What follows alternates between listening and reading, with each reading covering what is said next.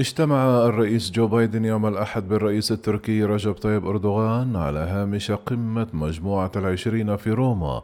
وقال البيت الأبيض أن بايدن أبلغ أردوغان بقلق أمريكا من امتلاك تركيا لمنظومة اس 400 الصاروخية الروسية. كما أكد بايدن لأردوغان ضرورة احترام المؤسسات الديمقراطية وحقوق الإنسان.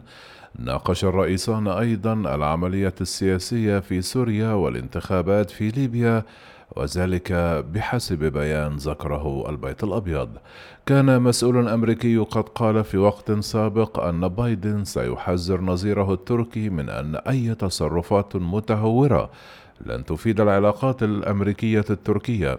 وأنه يجب تحاشي الأزمات وذلك وفقا لتصريح أدلى به لوكالة رويترز.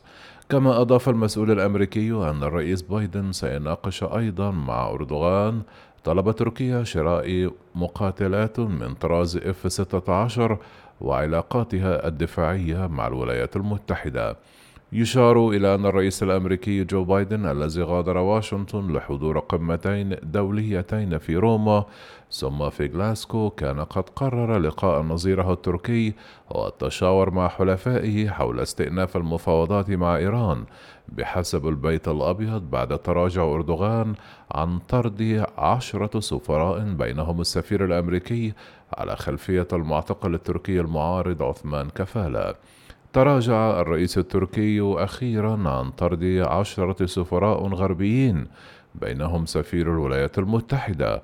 وقال المسؤول الأمريكي أن اجتماع بايدن وأردوغان لم يكن سيتم لو طردت أنقرة سفير واشنطن. لا تزال العلاقة بين الرئيس الأمريكي والتركي متوترة خصوصا بسبب حصول أنقرة على منظومة دفاع روسية رغم أنها عضو في حلف شمال الأطلسي.